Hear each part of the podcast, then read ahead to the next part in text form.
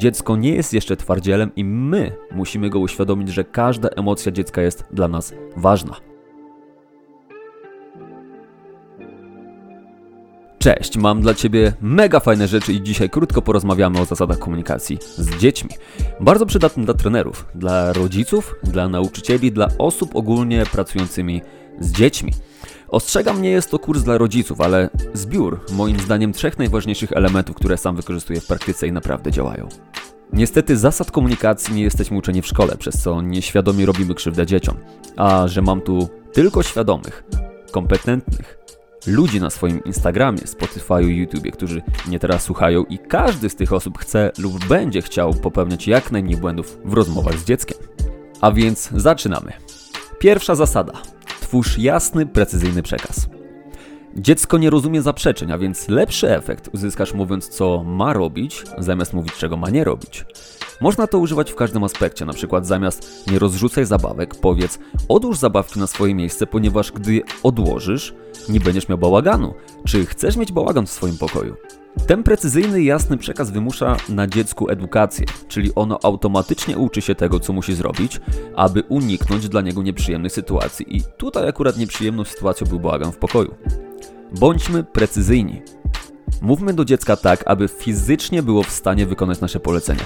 Czy widzicie różnicę w przekazie pomiędzy nie rozrzucaj zabawek, a odłóż zabawki na swoje miejsce, ponieważ będziesz miał bałagan w pokoju?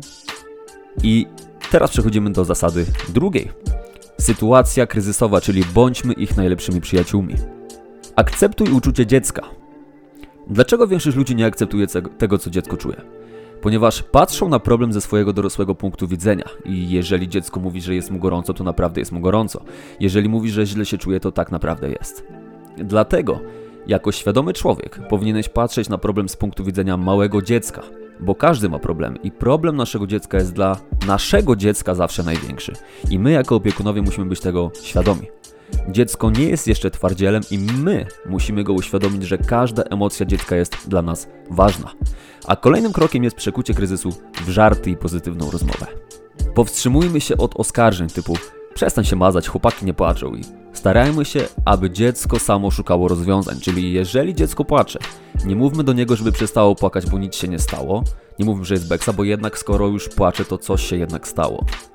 Zamiast tego powiedz mu, że rozumiesz jego płacz i że ty też płaczesz, jak masz gorszy humor. Zapytaj też, co musi się stać, aby pojawił się uśmiech na jego twarzy. Zadawaj konkretne pytania.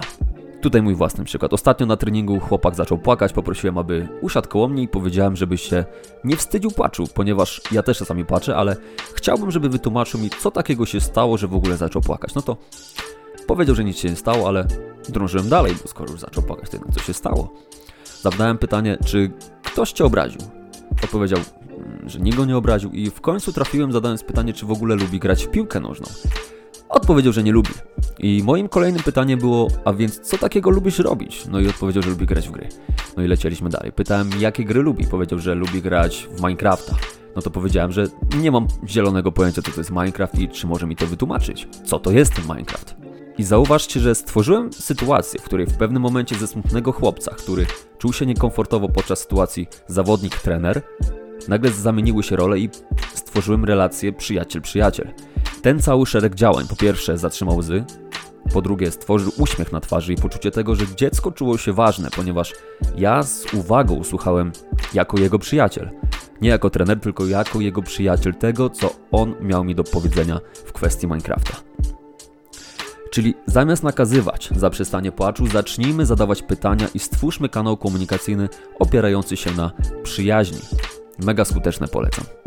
I trzecia zasada, daj krótkotrwale odczuć konsekwencje.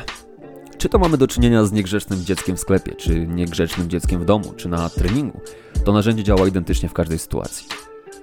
Jeżeli wcześniejsze sposoby rozmowy, zadawania pytań nie zadziałały, przechodzimy do narzędzia konsekwencji.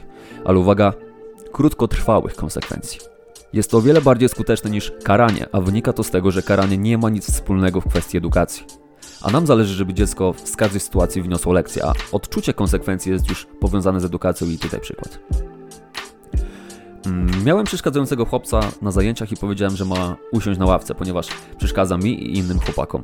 Po dwóch minutach, gdy skończyliśmy ćwiczenie bez jego udziału oczywiście, usiadłem koło niego i zadałem pytanie, czy wie dlaczego usiadł na ławce i nie brał udziału w ćwiczeniu. No i tam Oskar odpowiedział, że przeszkadzał. Przyznałem mu oczywiście rację i zadałem kolejne pytanie. Czy już wie, co robić, żeby ta sytuacja nigdy się nie powtórzyła? Odpowiedział oczywiście, że wie. I kolejnym pytaniem było to, czy chciałby, żeby ktoś inny przeszkadzał mu, gdy robi coś, co jest dla niego ważne. Odpowiedział, że nie chciałby, żeby ktoś mu przeszkadzał. I identycznie możesz wykorzystać to jako mama czy tam tata. Gdy kilkakrotnie dziecko było niegrzeczne w sklepie, załóżmy, że mamy sytuację w sklepie, następnym razem wyjść do sklepu sam lub sama, gdy na przykład chłopiec zapyta, czy może iść z tobą, powiedz, że tym razem idziesz sam lub sama. Gdy zapyta, dlaczego nie może iść z tobą, odpowiedz mu grzecznie, sam mi odpowiedz na to pytanie. Dlaczego nie możesz iść ze mną? Gdy odpowie, bo byłem niegrzeczny, odpowiedz, zgadłeś. A gdy przeprosi i poprosi o kolejną szansę, odpowiedz, że będzie miał jeszcze wiele szans, ale dzisiaj musisz iść sam lub sama. Daj krótkotrwale odczuć konsekwencje, przez to dziecko samo nauczy się zachowań, które będą dla niego korzystne. Dlatego tak bardzo istotne są pytania, aby dziecko samo zobrazowało sobie swój błąd. Bądźmy najlepszymi przyjaciółmi dzieci, dajmy im się wykazać i zacznijmy świadomie i skutecznie się z nimi porozumiewać. Bądźmy świadomi, szczególnie w tak ważnej relacji, jaka jest relacja nasza z dziećmi. Trzymam za Was mocno kciuki.